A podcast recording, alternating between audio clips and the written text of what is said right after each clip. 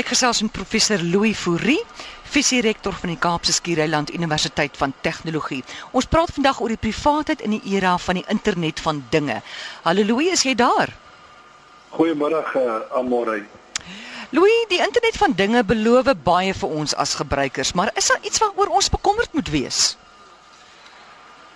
Amore, die die internet van dinge uh, en kom ek sê nou maar wat dit behels, dit is natuurlik nou die era waar ek wil sê dat alles aan die internet gekoppel raak. Ehm um, mense kan amper sê biljoene apparate en hierdie apparate versamel natuurlik nou alles data oor hulle self en ehm uh, hulle versamel data oor die gebruikers en hulle ruil dit uit en hulle stoor dit. Nou daar's baie wonderlike voordele aan dit. Uh soos byvoorbeeld slim huise waar die uh die stoof uh homself of haarself afskakel en die ligte self afskakel. Ek dink maar net hoe baie keer het jy al gery en wonder het ek die stoof afgeskakel? Nou in die geval skakel hy van self af en die deur sluit van self as jy uh geloop het want die huis weet wanneer jy werk toe gaan en so meer en motors wat hulle self bestuur uh sodat ons uh, nie meer so baie ongelukke kan maak of foute kan maak nie so allerlei wonderlike dinge maar soos met enige nuwe tegnologie is daar natuurlik nou ook maar kommer oor die sekuriteit van al hierdie apparate wat aan die internet gekoppel is kyk ons weet mos nou al klaar van kraak kuberkrakers en probleme en so meer Maar dit gaan nie net daaroor nie. Dit gaan ook oor die beskerming van ons privaatheid. Tot watter mate is my inligting op hierdie internet van dinge veilig? Tot watter mate word ek deur organisasies, groot organisasies dopgehou, geanaliseer of deur watter mate word ek deur die regering dopgehou? Jy weet, net per dag skuil daar 'n spioen wat my doppe en my slim uitskas. Hmm. En ja, dit is erg net daai gedagte daaraan. Louis? Baie erg. wat doen die groot maatskappye ten opsigte van hierdie kommer oor ons privaatheid in die toekoms? Die groot maatskappye probeer ons natuurlik baie gerus stel. Nou Apple byvoorbeeld gee besonder hoog op dat hulle die privaatheid uh van gebruikers bowe al stel. En hulle maak inderdaad van enkripsie gebruik en twee-stap verifikasie en hulle het 'n baie streng beleid uh oor hoe data gehanteer word. Google wat eintlik seker een van die grootste argiewe van digitale data in die wêreld uh jy weet het. Ehm um, uh gee ook baie hoog op en sê dat hulle sal uh regtig waar die privaatheid uh van uh, die die gebruikers beskerm. Google maak my 'n bietjie bekommerd want Google het soveel data oor ons dat dit eintlik nie eens nodig is vir my en vir jou om iets in te tik teestaan nie. Google weet waar jy is. Uh vir alles jy Google nou gebruik, hy, hy weet waar jy was. Hy uh, Google weet selfs naaste by wat jy dink en watter vrae jy op watter tyd sal ontwikkel of mag hê. En alles is natuurlik met die toestemming van die gebruiker. So daar is so 'n bietjie van bekommernis oor die geweldige mag wat hierdie groot organisasies het. En en uh die die privaatheid ondernemings van hierdie organisasies raak dus vir my en vir ons almal al hoe belangriker. Uh hoe meer ons uh die internet van dinge uh begin betree. Dink maar aan die totale beheer van jou huis. Dink aan die gesondheid uh wat jy aan hierdie jou gesondheidsinligting wat jy toevertrou.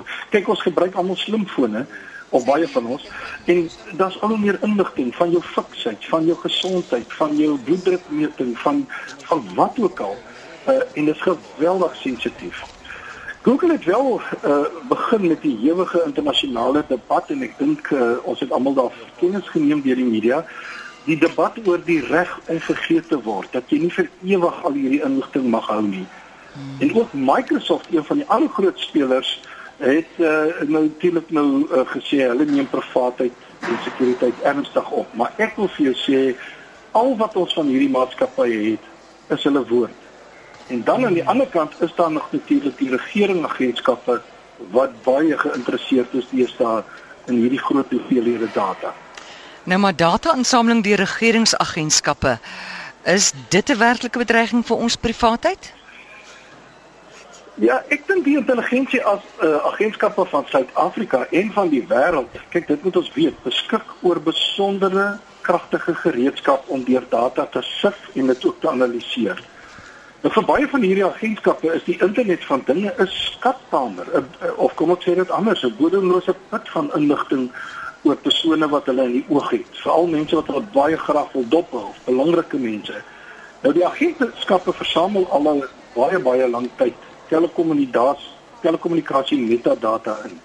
Nou dit is uh, allerhande data oor wanneer jy oproepe maak en na wie jy dit maak en en so meer. Maar nou weet ons dat uh, Snowden en al sy onthullings van onlangs en ek kan maar sê die beroemde op die berugte Snowden het vir ons ook getoon dat hier sommige van hierdie agentskappe ook die inhoud van ons kommunikasie ontleed. Jou oproepe, jou e-pos, jou jou boodskappe, jou WhatsApp boodskappe as jy dit sou wil sê. Nou wat vir my kommerwekkend is, is dat hierdie data na bewering volgens Snowden juis deur die groot maatskappye aan die regering agentskappe gegee is. Ten spyte mm. van van al die ondernemings wat hulle gehad het. Nou hierdie selfde maatskappye sal met die groei van die internet van dit is soveel meer private data stoor. Hulle sal die data hê van jou motor se aanboordrekenaar. Hulle sal weet waar jy ry, hoe lank jy op sekere plekke stilhou, by wie jy stilhou, hoe jy bestuur. Hulle sal die data hê van jou TV-dekodeerder, waarna kyk jy? Hoe lank kyk jy?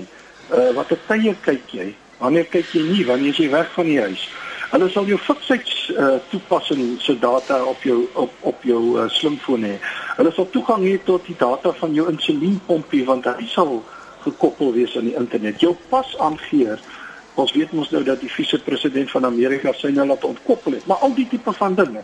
So daar daar's 'n geweldige toename byvoorbeeld ook in die sensors en apparate in paaie en stede en winkels en al hierdie dinge samel data oor ons in en dit is vir my onrusbarend veral as ons dink dat teen 2020 daar 50 miljard apparate aan die internet gekoppel sal wees hoe gaan ons dit behoorlik beheer mm. om ons private en veiligheid te beskerm ek dink dit is die vraag ja. ons huidige wette is heeltemal ontoereikend om hierdie massa data versameling te reguleer. Nou Louis, sou die toekoms van die hoe sou die toekoms van die internet van dinge lyk as dinge nou nie heeltemal regloop nie? Uh, Amore, dis nou nie te moeilik om natuurlik nou te dink oor die misbruik van die internet van dinge nie. Ek dink dit is uh mens kan baie maklik sê dat regering byvoorbeeld kan nou baie maklik data-opnemers wat al reeds in baie motors is, die die antwoordrekenaar maar hulle kan dit die opnemers verpligtend maak. En wat dan gebeur is dat jou motor outomaties 'n spoedkaartjie uitreik as jy oor die spoed ry of as jy onverskillig bestuur, gee hy vir jou vir onverskillige bestuur, uh, gee hy vir jou 'n outomatiese kaartjie. Of mens kan dit omdraai en sê dat hulle kan dit selfs verhoed dat jy oor die spoedgrens ry. So as jy as die spoedgrens 100 is en jy probeer vinniger ry, sal dit dit net nie gebeur nie. Dit is die uh, natuurlik die rigting waarna ons kan gaan. Maar moet ons nou die internet van dinge teenstaan? Nee. Wil ek graag sê ek dink geen tegnologie is natuurlik op sigself goed of sleg nie. En ek dink die internet van dinge het baie groot potensiaal. Dit gaan ons dit gaan ons lewens makliker maak, dit gaan dit uh geriefliker maak. En al wat ek dink ons sal moet doen is om die implikasies ten opsigte van ons privaatheid, ons moet daarvan bewus wees. En ons moet die mense wat in beheer is, baie fyn dophou. Want anders kan die regering en ook hierdie groot maatskappye binnekort kyk wat in jou yskas is. So ons moet versigtig wees. Hmm. En dankie vir daai waarskuwing. Louis, mense kan dit aflaai op pot gooi. En ek sal later 'n bietjie gesels oor Pieter se gratis werkswinkels.